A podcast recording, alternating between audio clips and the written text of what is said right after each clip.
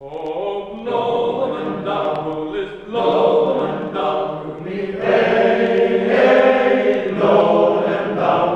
och välkommen. Jag heter Veli Rasakka. Hela sändningen ägnar vi åt ålänningen Stig Sirens minnen från en världsseglats strax efter andra världskriget. Fartyget hette SV Passat och ägdes av den åländske redaren Gustav Eriksson. En av Erikssons kaptener var ålänningen Johan Englund och han var också Stig Sirens morfar. Det var tack vare morfaren som Stig fick följa med som matros. Det skulle bli den sista veteseglatsen till Australien. Den 16-årige Stig Sirén mönstrade ombord i Mariehamn en kall decembermorgon och året var 1946. Hela överfarten tog 18 månader och då fartyget anlände till Adelaide blev Stig kvar i Australien. Idag är Stig 72 år gammal och han har nästan tappat sin finlandssvenska dialekt. Jag träffade honom i julas söder om miljonstaden Brisbane nära Surfers Paradise, Australiens främsta badort. Jag levde i, i Australien för 30, 30 år och jag hade inte något tillfälle att tala svenska. Och plötsligt, men eh, efter 30 år som jag kom tillbaka till uh, Norden, i synnerhet till Stockholm när jag aldrig varit förut, och möta mina uh, mostrar och kusiner. Och det var mycket svårt för mig att tala. Jag ville tala hela tiden men det kom inte ut från munnen. men jag lyssnade och försökte allt jag kunde. Jag var där ungefär tio dagar och på de här tio dagarna så fastnade jag i den här Stockholmssvenskan som är sån här sjungande dialekt. Vi, never, vi aldrig hörde det i, i Finland. Och nästa reste jag till Åland till min uh, morbror Allan. Han är också en uh. Uh, eller han är en segelskutskapten. Och vi talar bara svenska. Och så ringde jag min syster i Nickby, i Finland. Hon visste inte att jag kom från Australien men jag ringde. Jag talade ju det bäst jag kunde. Jag sa att hur står det till med dig? Att, att eh, det är Stig som är här. Och hon bara svarade nej du hade fel nummer. Så nej, vi brukar vara mycket nära varandra. Många år sedan så var vi mycket mycket nära varandra. Att, no, det är rätt ställe. Nej, nej, du hade fel nummer. Så efter sån tid när jag mötte henne senare så sa jag, vad var det som du inte förstod mig? Men jag kunde inte begripa att du har Stockholmssvenskan kommer från, från Australien. jag ville ju följa morfars spår. Och det var ju eh, eh, äventyr. Jag var ju 16 år och och jag hade ju gjort mycket gymnastik på eh, räck och parallellbarerna så jag var i ganska bra skick. Jag kommer ihåg när jag kom första dagen i Mariehamn kom jag upp på stegen förpassat. Så tittade jag på sidan där och där var första styrman och Donkeyman. De satt liksom på knäna där och diskuterade någonting på däcket. Och jag visste inte vad det var. Ett, tu, tre så hör jag som, som, som visslar i, i luften. Och det är en stor sån här riktigt sån där bussig kniv som kommer. Och rätt emellan den där första styrman och, och, och Donkeyman Suomi från målen. Och jag tror de var blinda. De bara fortsatte sina sina diskuterar där och jag vet inte vad det hände, är de blinda eller vad det nu var. Den gick ju i en tum i, i trädäcket, så djupt. Men efter en stund så då så första styrman han tittade upp i massen och svor åt den jävla, jävla pojke som tappade sin kniv uppifrån masten. Eh, jag måste ju säga när man är där för jag hade sex stycken knivar som jag, skitknivar som jag köpte i Kotka. Men jag tappade dem före jag kom fram till Australien. För när man kliver där uppe i natten, man vet ju inte, och så fastnar man fast. Det är så trångt emellanåt så de kommer ner på det sättet att det är vanligt att de kommer ner. Så det visste jag när jag kommer. Men det här är ju farligt att komma ombord på det där sättet. Men man blir så van med det så man tänker inte mycket om det. Sen gick vi till Katka, ta halva trävirke. Och fortsatte vi till Kotkan så fyllde vi upp allt trävirke. Och så satt vi, så bogserade vi vid Rauma eh, bogserbåten eh, till, eh, vi skulle gå till Hange. Men före vi kom till Helsingfors gick vi på grund. Så blev vi fast där och fick ett litet hål där, men det var ju ingen fara. Men det var kallt, det var i december. Så fick en annan bogserbåt och halade dem från båda, båda ändarna och så fick vi lös. Och så måste de få en trålare jag kommer inte ihåg vad den hette, men så bogserade trålaren och bogserbåten Rauma. Uh, och förrän vi kom till Helsingfors så är det två olika uh, sjövägar, norra vägen och södra vägen. Och vi förstod att vi ska ta den södra vägen med, med den här trålaren och, och Rauma han trodde vi skulle ta den norra. Så gick den för bort på sidan. Det var ju så kallt så det var ingen på kroken där på bogserbåten. Så ett tu, tre så var det för sent. Han kunde inte svänga tillbaka så det ruskade hela fartyget. Jag hade frivakt då. Då blir det tre väcklar visslar. Då alla män på däck kom vi ut och då såg jag Rauma hade gått runt helt och hållet och propellen gick runt och människorna som har varit inne och värma sig trying to creep på, upp på botten. Och vi, vi gick ju till vi, livbåtarna men de rymdes inte mellan däverterna. det, det är inga någon, det, det, är ju, det skulle inte vara på det sättet men vi kunde inte göra det. Och den här trålaren han kunde inte gå livbåt för han, vi var under dens uh, kontroll. Så när vi tappade ankret, då fick han med sin egen livbåt gå och rädda de här människorna. De fick bara tag i två människor och det var de som var i styrhytten. Ena skulle ha varit på styret och den andra på kroken. Så, och den tredje miste de, så det var nio människor som drunkna där. Och det var så som det började, det var ju inte något vidare bra. Och så bogserades vi ju till, till eh, Helsingfors till Görerättan.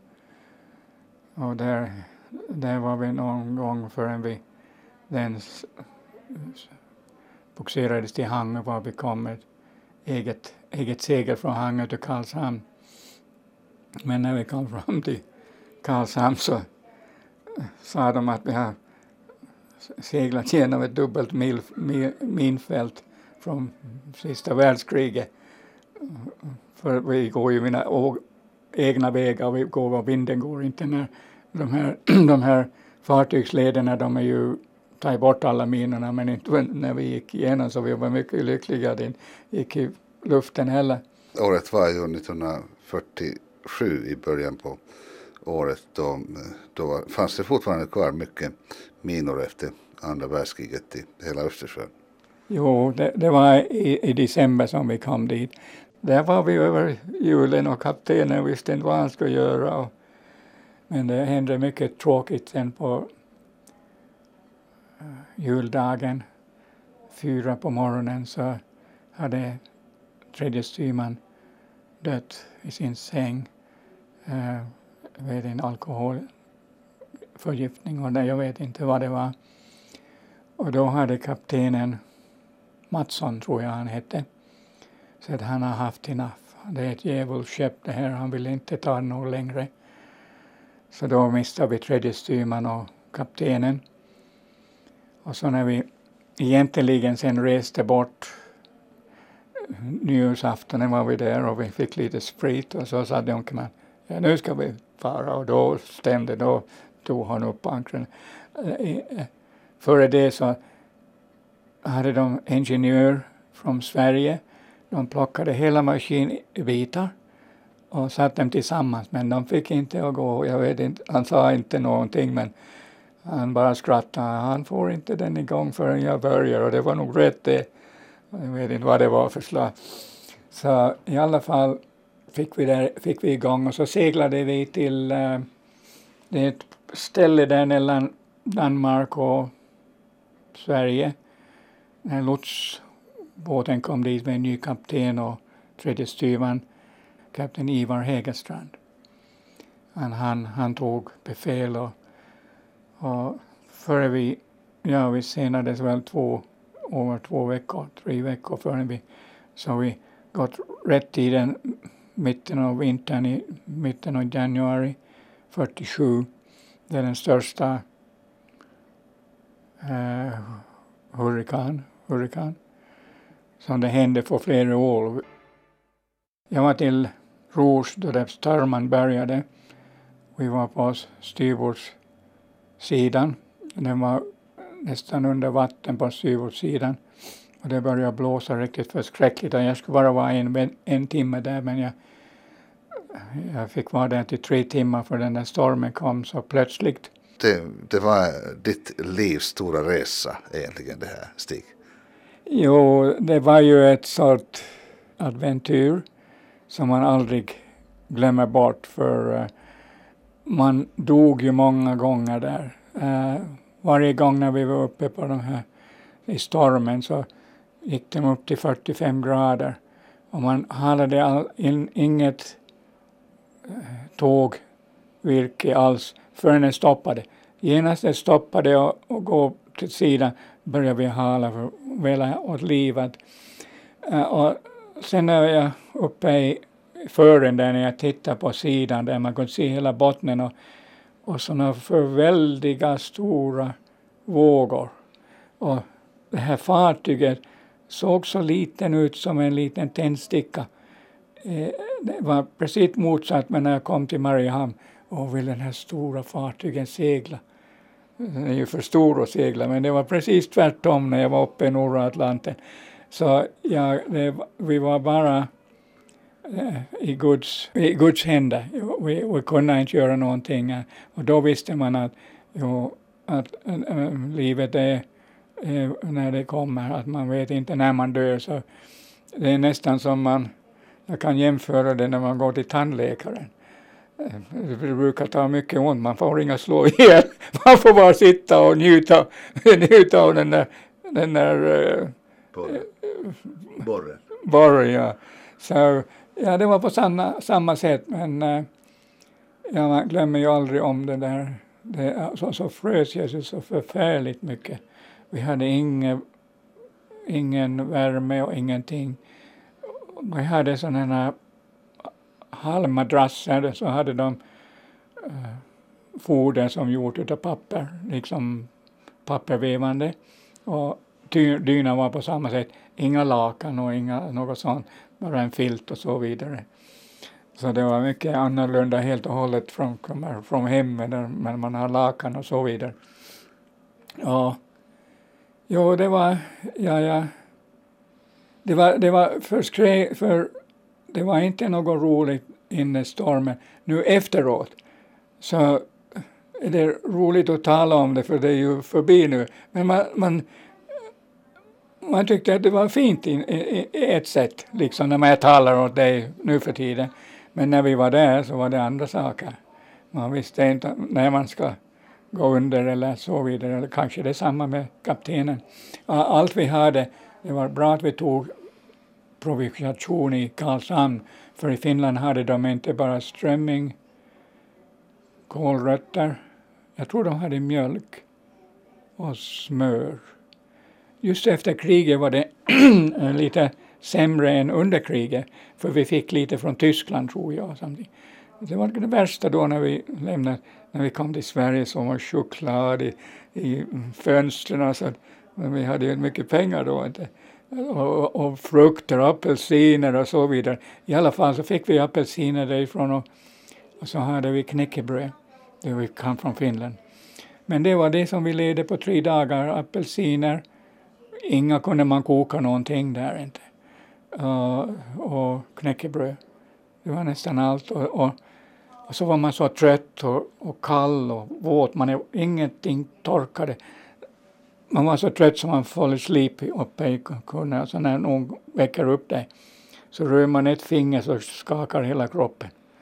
Och så ska man ut och arbeta igen. Eh, eh, eh, det var inte något bekvämt det, men nu när det är över så är det fint. Det är ingen fara nu, men ja, jag frös ju två, två år sedan jag kom i land i Australien.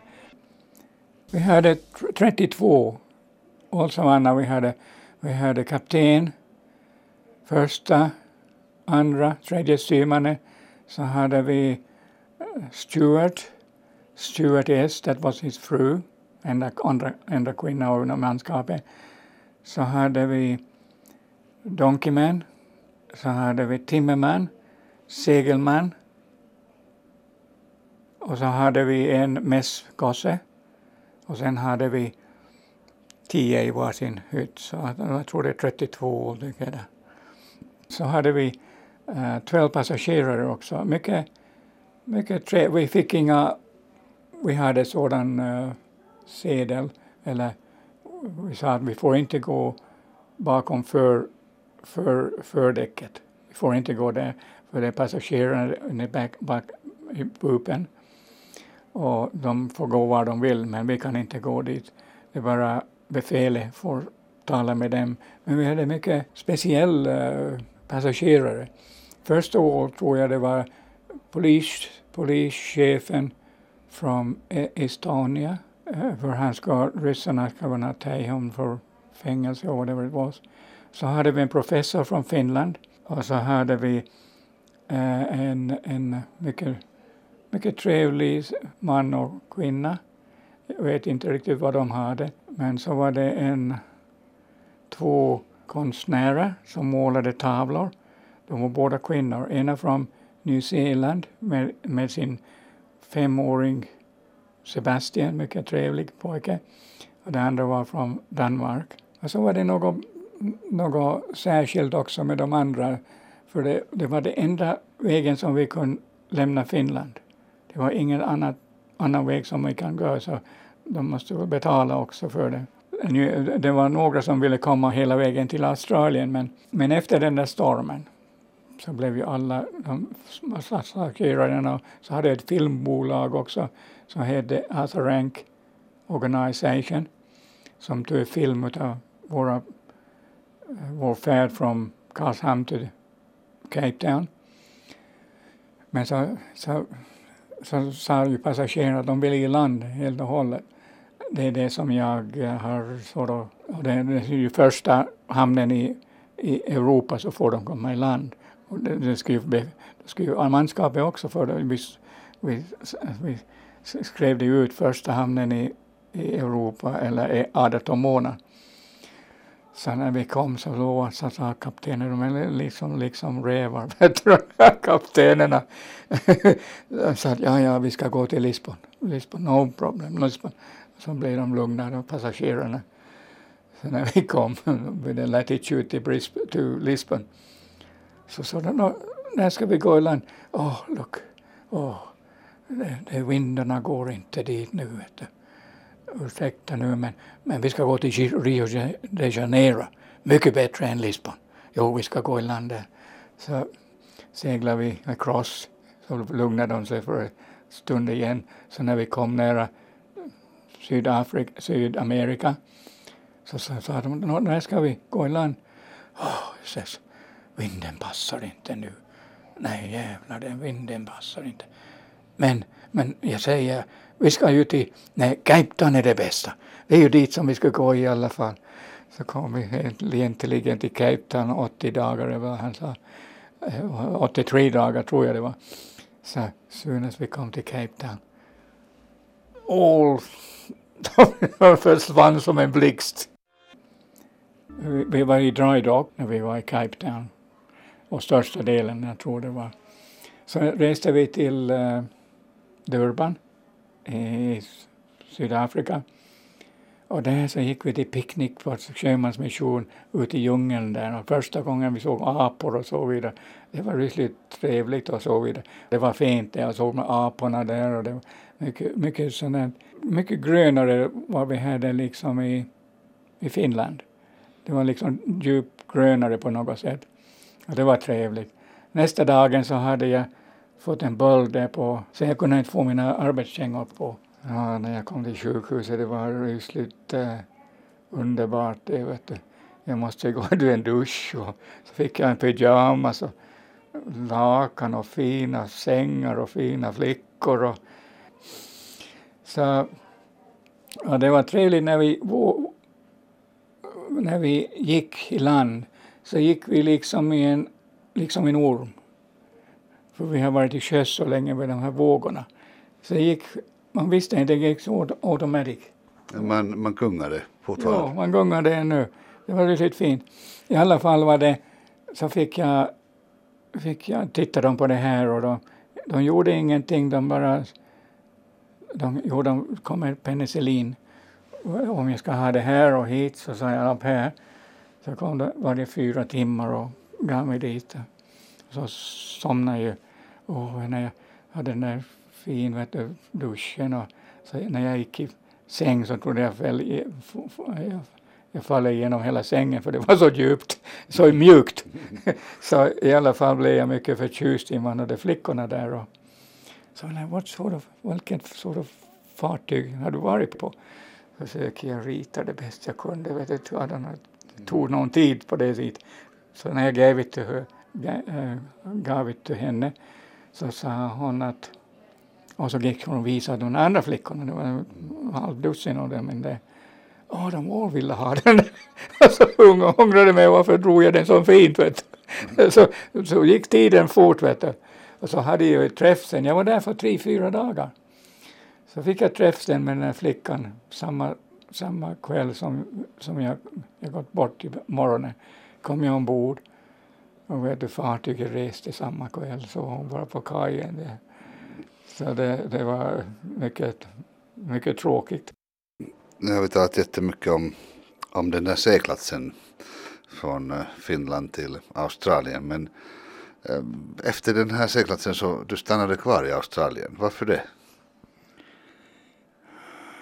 Ja, min eh, morfar dog vi eh, före vi kom till Kapstaden. Det var ju den största nedslag för mig själv. Så jag hade ju ingenting att komma tillbaka till Finland. Jag, jag talar inte samma språk som min eh, svärmor. Och, ja, och så vidare. Och jag hade inga egna sys, syskon. Jag hade tre halvsystrar. Eh, och så vidare. Så tänkte jag att jag ska se hur det går i Australien. Uh, det var svårt att mönstra av för jag tog andra, andra kocken med mig också. Han talade inte mycket engelska, jag talade ju lite grann. Och vi hade våra sista slantar som vi åkte buss till Adelaide från Port Victoria i Sydaustralien. Och vi mötte sjömanspastorn Alfred Zinnbauer och hennes fru Helga Zinnbauer. Eh, mycket, mycket trevliga människor. Uh, och vi, vi kom överens att uh, pas, pastorn Alfred hade lärt sig svenska. Han var i fängelse här under, under kriget, för han kom från Österrike. Uh, han var halv jude och halv Österrike. Och han flydde först till England och så kom han till Australien. Och så sa de att han måste gå till ett kulfabrik. Så sa han att nej, han nekade, han ville inte göra någon kulfabrik så då blev han, det var inte så strikt det här fängelset här i Australien. Men i alla fall så mötte han den en, en, enda svensk som har kommit dit också. Vilket var mycket ovanligt för Sverige var ju neutral. Och jag mötte honom senare, Oskar Johansson från Skåne. Eh, och jag, vi började tala svenska och frun, eh, frun, frun hade lärt sig svenska också. De, de var båda linguists. De, de talade många språk. Men den här pastorn är mycket speciell. Jag levde med den där prästen eh, fem år och jag tyckte mycket om honom. Men i alla fall, Eh, äh, där så stannade vi sen och diskuterade att vi skulle mönstra bort. Och det blev, klockan gick och vi var där två, tre timmar och ingenting hängde. Så jag tror att ingenting blir av det här. För vi hade inga, mäklaren hade hittat på att vi ska betala 100 pund och det var stora pengar i den, i den tiden. Inte hade vi sådana pengar inte. Så till slut så jag sa, vill du betala, om kyrkan lånar dig 100 pund var, var och en, vill du betala den tillbaks när du får ett arbete? Så jag visst. Då blev vi glada. Så fick vi resa tillbaks till fartyget. Och, och kaptenen nästan mördade mig före, före vi gick fort vet du, och sa att ja, du har ingen framtid här inte, du får inga något, du kan inte leva här inte. Och jag fick ett arbete i sinnessjukhus, eh, Faxad Mental Home, eh, eh, eh, nära Adelaide. För jag talade lite engelska. Och där så putsade jag äh, fönster och sopade vägarna och så vidare.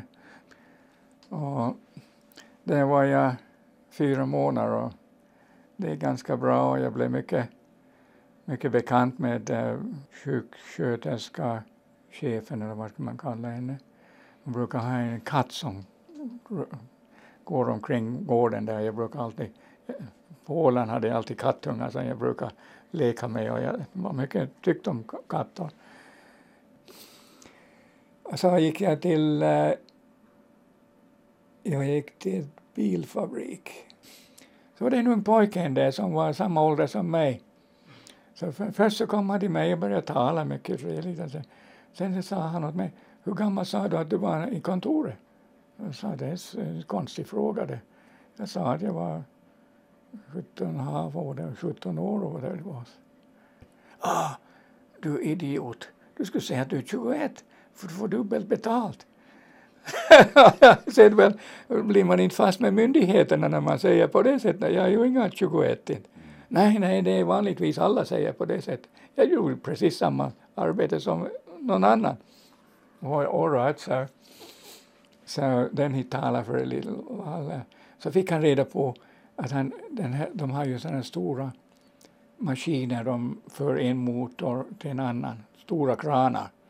Och de måste ha en riggare som gör de här splicerna på wire och, och på rep, wire mainly, största delen. Så kom han och talade åt mig Då, kan du göra någon splicer? Så, well, uh, jag hade ett arbete för ett och ett halvt år. Jag gjorde det. All right. Jag hörde när han var på segelskutan säga okej. Okay jag skulle få fyra gånger så mycket pengar. Vet du. Jag tror jag, nu är jag ju i himlen redan, vet du, så mycket pengar. Så kom jag, så går nästa måndag till, till eh, kontoret och changear din arbetsplats. Tittar hon in där och säger, du är bara 18 år, 17 år. Ja, vad är det att göra?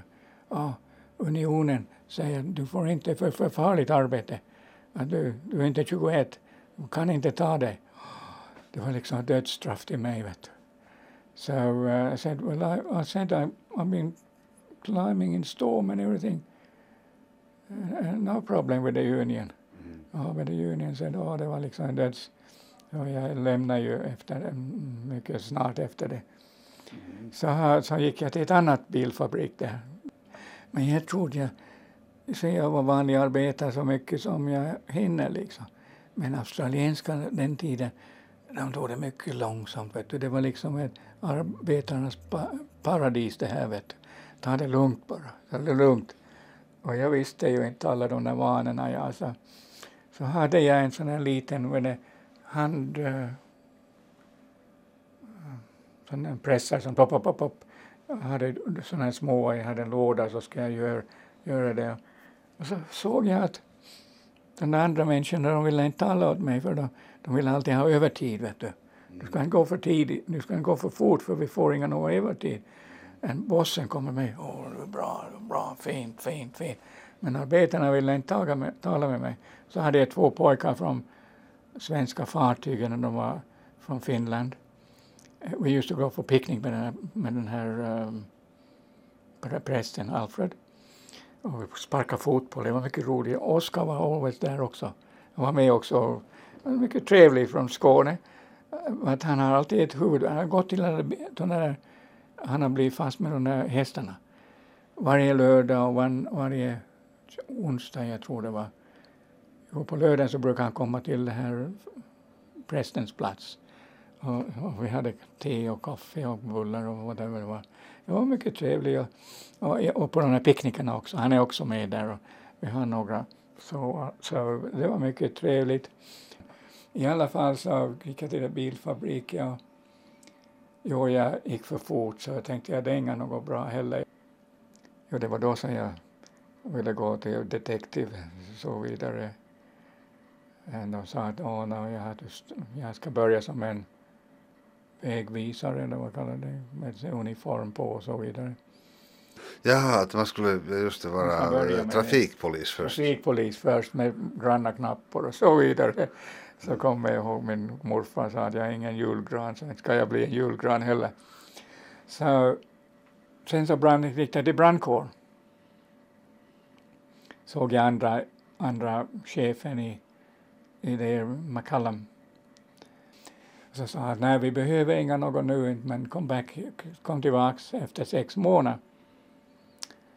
Kom jag hem sen, jag levde ju med den här pastorn och talade om hur det gick. Så gick han i nästa, nästa rum, med han hade alla sina böcker och skrivmaskin. Började han skriva på en skrivmaskin och satte i kuvert addressed it to J.J. Watt, the big chief i Wakefield Street, Adelaide Fire Station. Jag vet till mig och sa att ta det här imorgon och gå dit igen och säg att give this to J.J. Watt. Och sen jag kan gå för jag sa jag kan komma där för en sex månader. Nej, nej, du går dit bara. Jag tänkte, ja, jag slutligen gick jag dit sen liksom en hund med svansen mellan benen och vet kom jag dit och så såg jag McCallum came up till. Så det var en quick six månader sa han åt mig. För jag, så när jag säger någonting så gav han det här brevet åt honom. Han räddade här JJ White. Så, uh, uh, mm, mm, mm, mm. Kom efter mig. Gick vi och letade efter den här stora chefen där. Såg jag att han ger det där brevet till den Eh, där stor gubbe där men i civil, civilklädd. Ja, det måste vara hem, så kom jag quickly ner, ner där. Ja, Jag vet inte i, idag vad han skrev in i Zimbabwe, Alfred. Så tittade han på mig. You speak English? I said, I do. Then they took, took me ner. I was full of muscles then, sort of thing, you know. No bones at all. And then they said, and the McCullums took me into this little office and uh, he said, I want you to write a biography. Why you want to, sorry, uh, want en biografi utav dig, varför du vill starta i brandkåren. Skriva det två ark. Oh, skriva det, det är så svårt att skriva engelska. Så i alla fall, det är en lång kontor där en liten söt flicka i den andra änden där. Började skriva då och då så frågar flickan, får, behöver jag någon hjälp? Så nej, inte ännu inte. Började jag skriva, vet du. Fick jag väl halva arket fullt, så sa jag, nu kan du komma och titta. Så kom hon dit och tittade. Hon nästan började ändra varje ord till det. Så sa jag, nej, ändra inte alla ord inte, för då tror hon inte det är rätt. Och så, all fin, fint vet du, så gick hon bort sen. Så kom han in innan du finished. Yes, halva orket bara istället och två fullskap. så kom han tillbaks efter en halvtimme. Åh, du kan starta. Åh, eh, nu? Nej, nej, nej. Du måste gå till doktorn, du måste gå till uh, skräddaren för sån här tjock uniform. Så jag startade. Men han, han, han, han tyckte aldrig om mig för jag gick över honom liksom. Men uh, chef är chef, så vi said jag kan starta. Du steg mm, brandkåren. Men sen eh, du hamnade i australiska armén. So anyway, I saw in the paper, I said, the army is going to train you to a surveyor or a draftsman. Sorry, I, I, I, I, I get mixed up now. Jag, tar, jag, eh, de annonserade att, att armén vill lära dig till uh, kartritare eller, uh, eller surveyor, vad är det? Uh, surveyor, land, landmätare. Jo, landmätare. Land, land, landmätare. Ja, ja. Så gick jag och se om jag har några chanser där. Så gick jag och såg major Spränga, mycket trevlig man. Så frågade han två trigonometrical theorems. Och jag berättade vad det var, det, mm. hur det är, så tror jag det var korrekt för han sa att ja, Jo, så du får börja. Så, ja, så that's where jag start, starta. Jag måste göra armén först, fyra månader i australienska armén i place called Kapuka, mycket kallt på vintern. Och mm. var jag där för fyra månader så fick jag igenom det och så blev jag förd till uh, Mount Martha, uh, in Victoria och det var vår skola i landmätare och, och ritare. Och där började jag så småningom. Och, och man går ju frivilligt i armén i det här landet. Så det är inga, man måste inte gå i armén. During det Vietnamkriget var det så att de tog liksom uh, från hatten då tog namn, mm. de som är så vidare. Jag vet inte om det var det bästa några var mycket bra men det var också några som inte tyckte om det. Så mm. Det skulle vara att alla skulle gå eller så vidare, det bli bättre. Att varför var det jag som skulle bara ta det där lotteriet? I alla fall där så började jag och jag har alltid varit i sådana semi semi um, government government positions like armén brandkåren, mm. sta, statliga... Lite halvofficiella tjänster? Jo, sådana. Och det är mycket svårt för en utlänning. Mm. Liksom jag var den första som kommer från Finland till brandkåren. Mm. Kanske den första som kom in till lantmätaren också. Du, det blev ett livsyrke sen, armén, och vad slutade du med? armén? Då, då, jag, jag, var, jag var översergeant. Mm. Jag hade alla, alla prov gått till major. Men när jag inte är romersk katolsk, jag får inte något längre. Om jag ska vara romersk katolsk har det gått mycket bättre. Och så var jag en främling också. Det var engelska, irländska eller skotska. Det, det, det är ju liksom hemfolket här. Före andra världskriget var ju 90 procent var det engelsk stam här i det här landet plus äh, infödingarna. Jo, så jag, jag hade mycket bra där. Vi hade ju en övning tre veckor varje år. Man måste vara soldat. Man är ju soldat först och så är man kartritare. Jag, jag gjorde ju, jag brukar ju skriva och först ritade vi ju med, mm. med tusch och pennor. Men senare så, skri, så skrapar vi på, liksom på film och då vidare. Den senaste tiden så uh, checkade jag kartor när jag var där. Och när Vietnamkriget var där så fick jag se efter att allt var låst den nätterna och så vidare. Att ingen går in dit. Ja, det är mycket.